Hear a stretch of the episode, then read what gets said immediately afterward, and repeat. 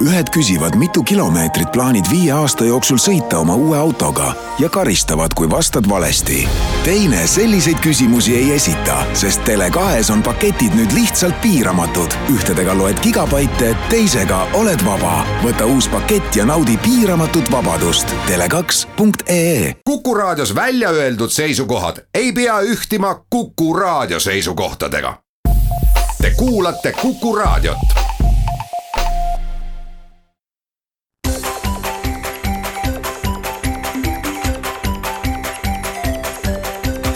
maksumaksja koostöös Eesti Maksumaksjate Liiduga. tere päevast, eetris on saade Maksumaksja, mikrofoni ees on Lasse Lehis. täna räägin taas tulumaksureformist, nagu arvata oli, siis äh, tuleb ikka veel aasta hiljem äh, välja üllatusi, uusi momente, sihtgrupp mm, inimesi, kes ühel või teisel põhjusel on jäänud süsteemi hammasrataste vahele ja taas tuleb tõdeda, et mm, isegi ei ole mõtet äh, üritada väita, et, et äh, oleks olnud aega äh, seda ette näha või, või nende inimeste peale mõelda, sest tookord see mm, seadusemuudatus tehti ülemäära kiiresti ja pinnapealselt isegi arvutusvead jäid valemitesse sisse, mida tagantjärgi tuli lappida, rääkimata siis kõigest muust.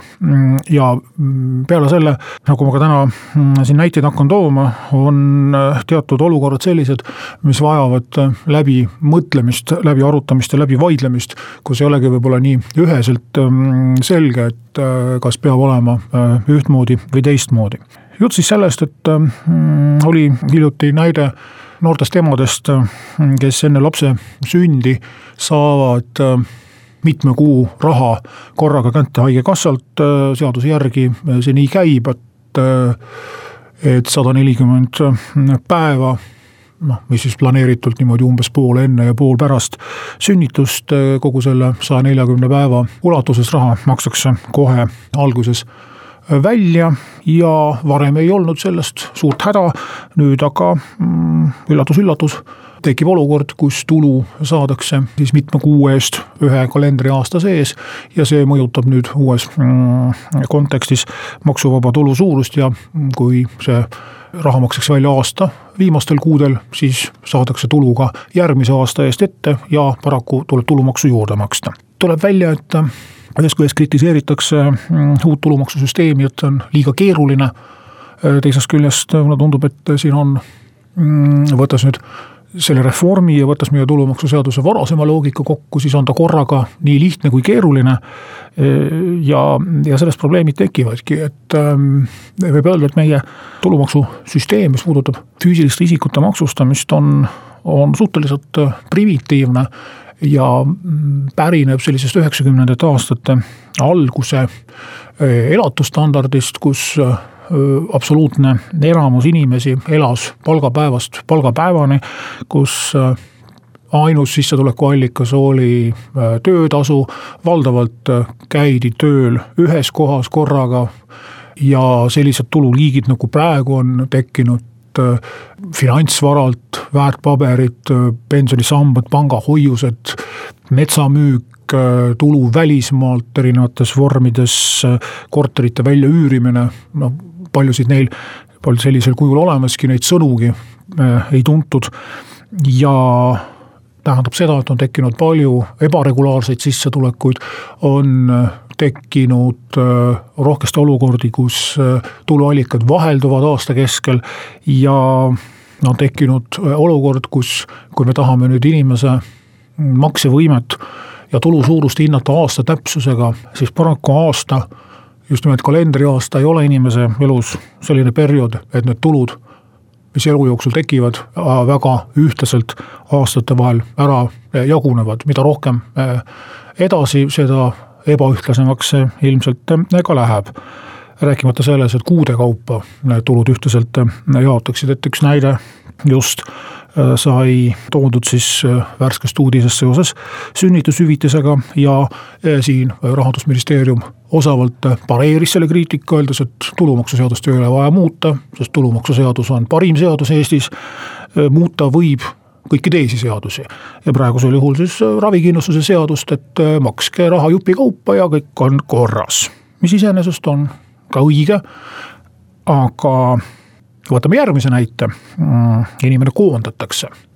koondamise korral maksab tööandja ühe kuu keskmise palga koondamishüvitiseks ja Töötukassa suhteliselt nobedasti maksab sinna juurde veel ühe või kahe või isegi kolm kuud juurde. pluss veel lõpparve, ehk siis inimene saab ühel kuul oma viimase kuu palga, kasutamata puhkusepäevade tasu, siis veel ühe, kahe, kolme või nelja kuu ulatuses hüvitise, kokku võib-olla näiteks viie kuu palga mm, ühel hetkel kätte. et kas me peaksime muutma ka töölepingu seadust ja töötuskindlustuse seadust, et ähm, hakata mm, siis töökoha kaotanutele äh, jupikaupa äh, seda hüvitist välja maksma, sest põhimõtteliselt koondamishüvitise mõte ongi ju see, et äh, mida eriti just, mida kauem inimese töösuhe on kestnud, seda raskem on tal samaväärset töökohta leida ja et ta elaks siis need vahepealsed kuud, mis tal kuluvad uue töökoha otsimiseks sellest rahast. mis tähendab seda, et tulu tekib ühel hetkel, aga kulutatakse tegelikult pikema perioodi jooksul. edasi, samuti töötuskindlustuse näide, lisaks nendele tööandjatele, kes palga õigel ajal välja maksavad, juhtub olema ka neid, kes seda õigel ajal ei tee. Võlad kuhjuvad, makstakse mitme kuu palk ühe korraga välja, mõni tööandja isegi kujutage ette, on pankrotti läinud ja sellisel juhul maksab Töötukassa mitme kuu saamata jäänud palga ühe korraga välja. mis me siin teeme? Valige normaalne töökoht, ütleb rahandusministeerium selle peale ilmselt. vabakutselised, äh, loovisikud, kes saavad honorare, kes teevad tellimustöid, äh, avaldavad artikleid, käivad, esinevad, laulavad, tantsivad, mängivad pilli, kirjutavad luuletusi, saavad mõnikord rohkem, mõnikord vähem, pikapeale ei saa võib-olla mitu kuud midagi, siis võib-olla mingid autoritasud tulevad äh, näiteks raamatu läbimüügi pealt, siis üle hulga aja jälle midagi teenitakse, jällegi mine palgatööle, ära tegele kunstide ja kirjandusega, mis me sellele inimesele ütleme tavaliselt palgatöö tegijad saavad tihti jõulupreemiaid, aasta lõpu boonuseid, tulemuspalkasid, müügimahtude pealt, suurtelt tehingutelt, käivetelt, kasumi pealt, jällegi praegu mm, sõltub väga palju näiteks, kas see lisatasu maksta välja detsembris või jaanuaris. nagu need näited toovad, siis ei ole tegelikult võimalik ei seaduse muutmise kaudu ega ka poolte kokkuleppel neid ühekordseid makseid kuidagi hajutada ega hüvitada. kuid nagu ütleb reklaam, see pole veel kõik, teine sama pikk loetelu tuleb kohe pärast väikest pausi.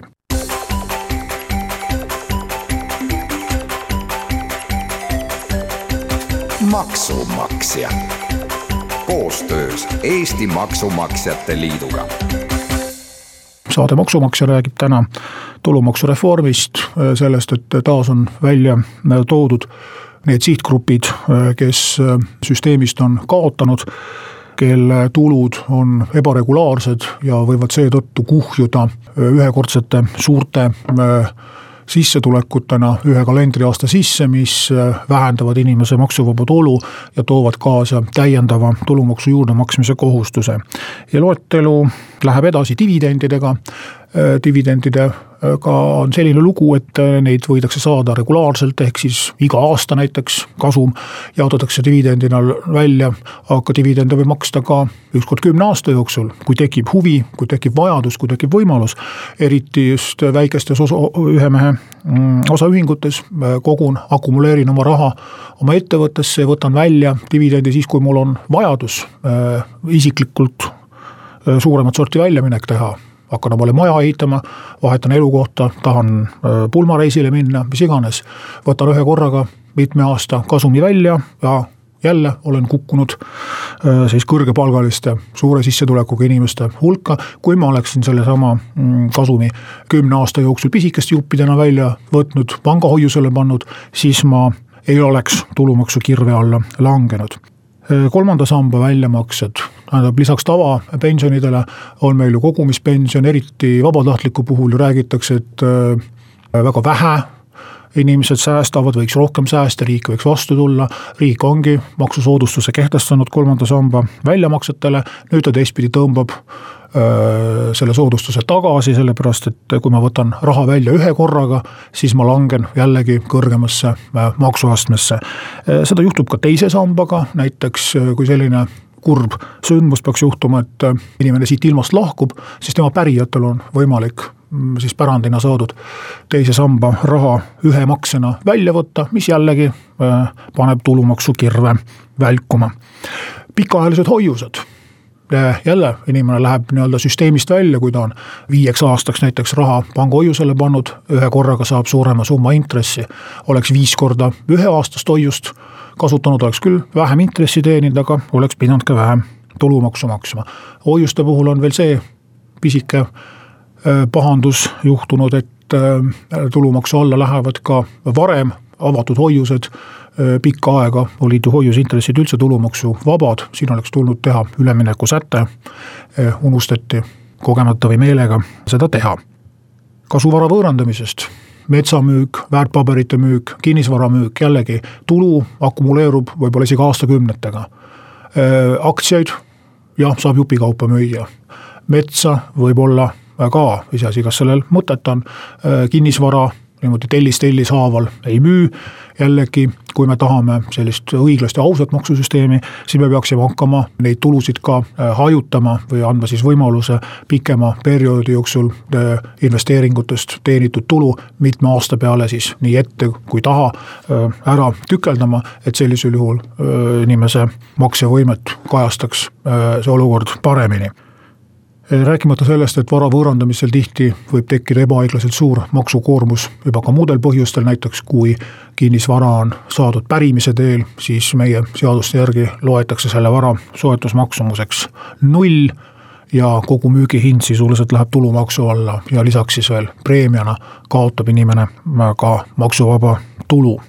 ja võib-olla mõned sellised spetsiifilisemad juhtumid veel nagu FIE erikonto või investeerimiskonto, kus on seadusandja loonud võimaluse raha akumuleerida, tulumaksukohustust edasi lükata. Nendeks aegadeks siis, kus raha tarbimisse välja võetakse ja jällegi, kui neid kontosid on kasutatud kogumisena kogumiseks, et äh, siis suuremateks kulutusteks raha äh, välja võtta siis, kui see kulutus tehakse. jällegi inimene nüüd uue süsteemi tingimustes ähm, kvalifitseerub äh, suure sissetulekuga ja kõrgema tulumaksukoormusega maksumaksjaks. lisaks veel sellised kuidas öelda siis tehnilised probleemid, mis on ka viimastel nädalatel ajakirjandusest välja tulnud. mõningatel juhtudel on inimestel aastas kolmteist palgapäeva kaheteistkümne asemel. seda siis, kui vahetatakse töökohta niimoodi, et palgapäevad on siis ühes töökohas kuu lõpus, teises töökohas kuu alguses.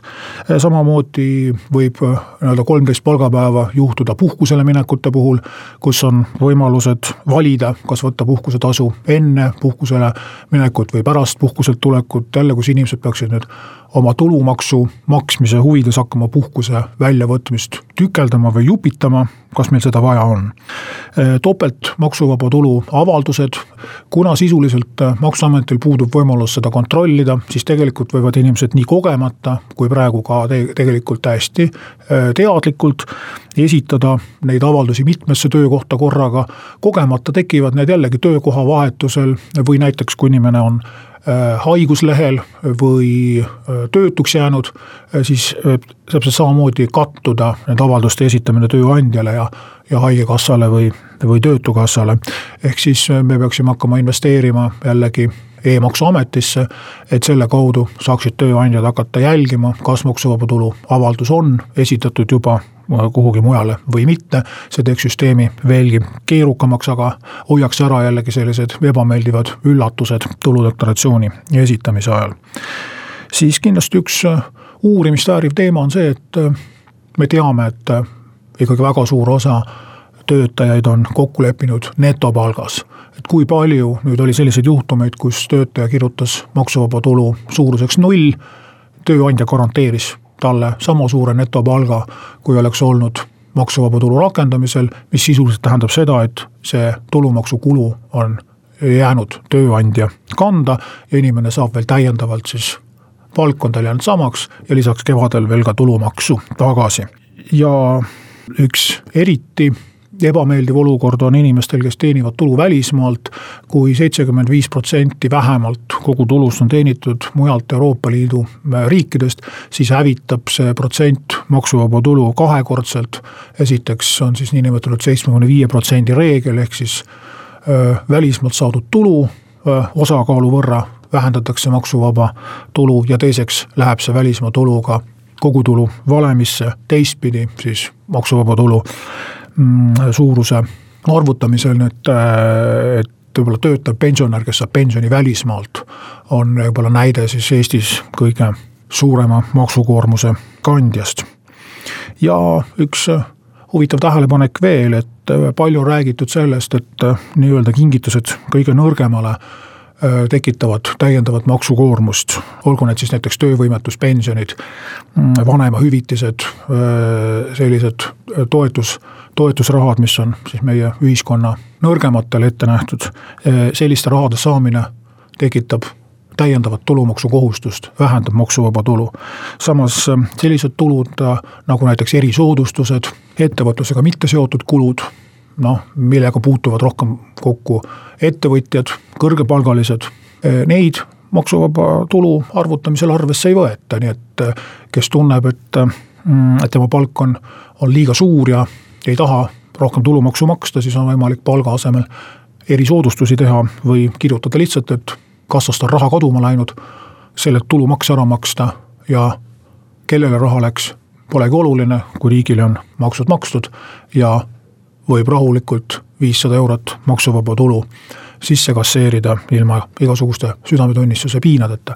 Neid näiteid kindlasti võib leida veel, ei pretendeeri mina ka täiuslikkusele ja ka, ka mind suudetakse aeg-ajalt üllatada öö, ähm, uute kaasustega.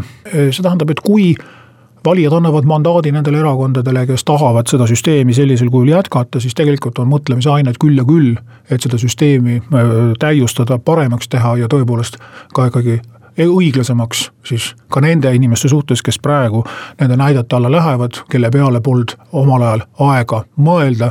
kindlasti, kui oleks aega olnud, ma arvan, väga paljud probleemid oleksid öö, normaalse lahenduse saanud, et nüüd on natukene rohkem aega selle peale mõelda, loodan, et keegi võtab ja teeb selle töö ära, aitäh, kohtume taas järgmisel nädalal.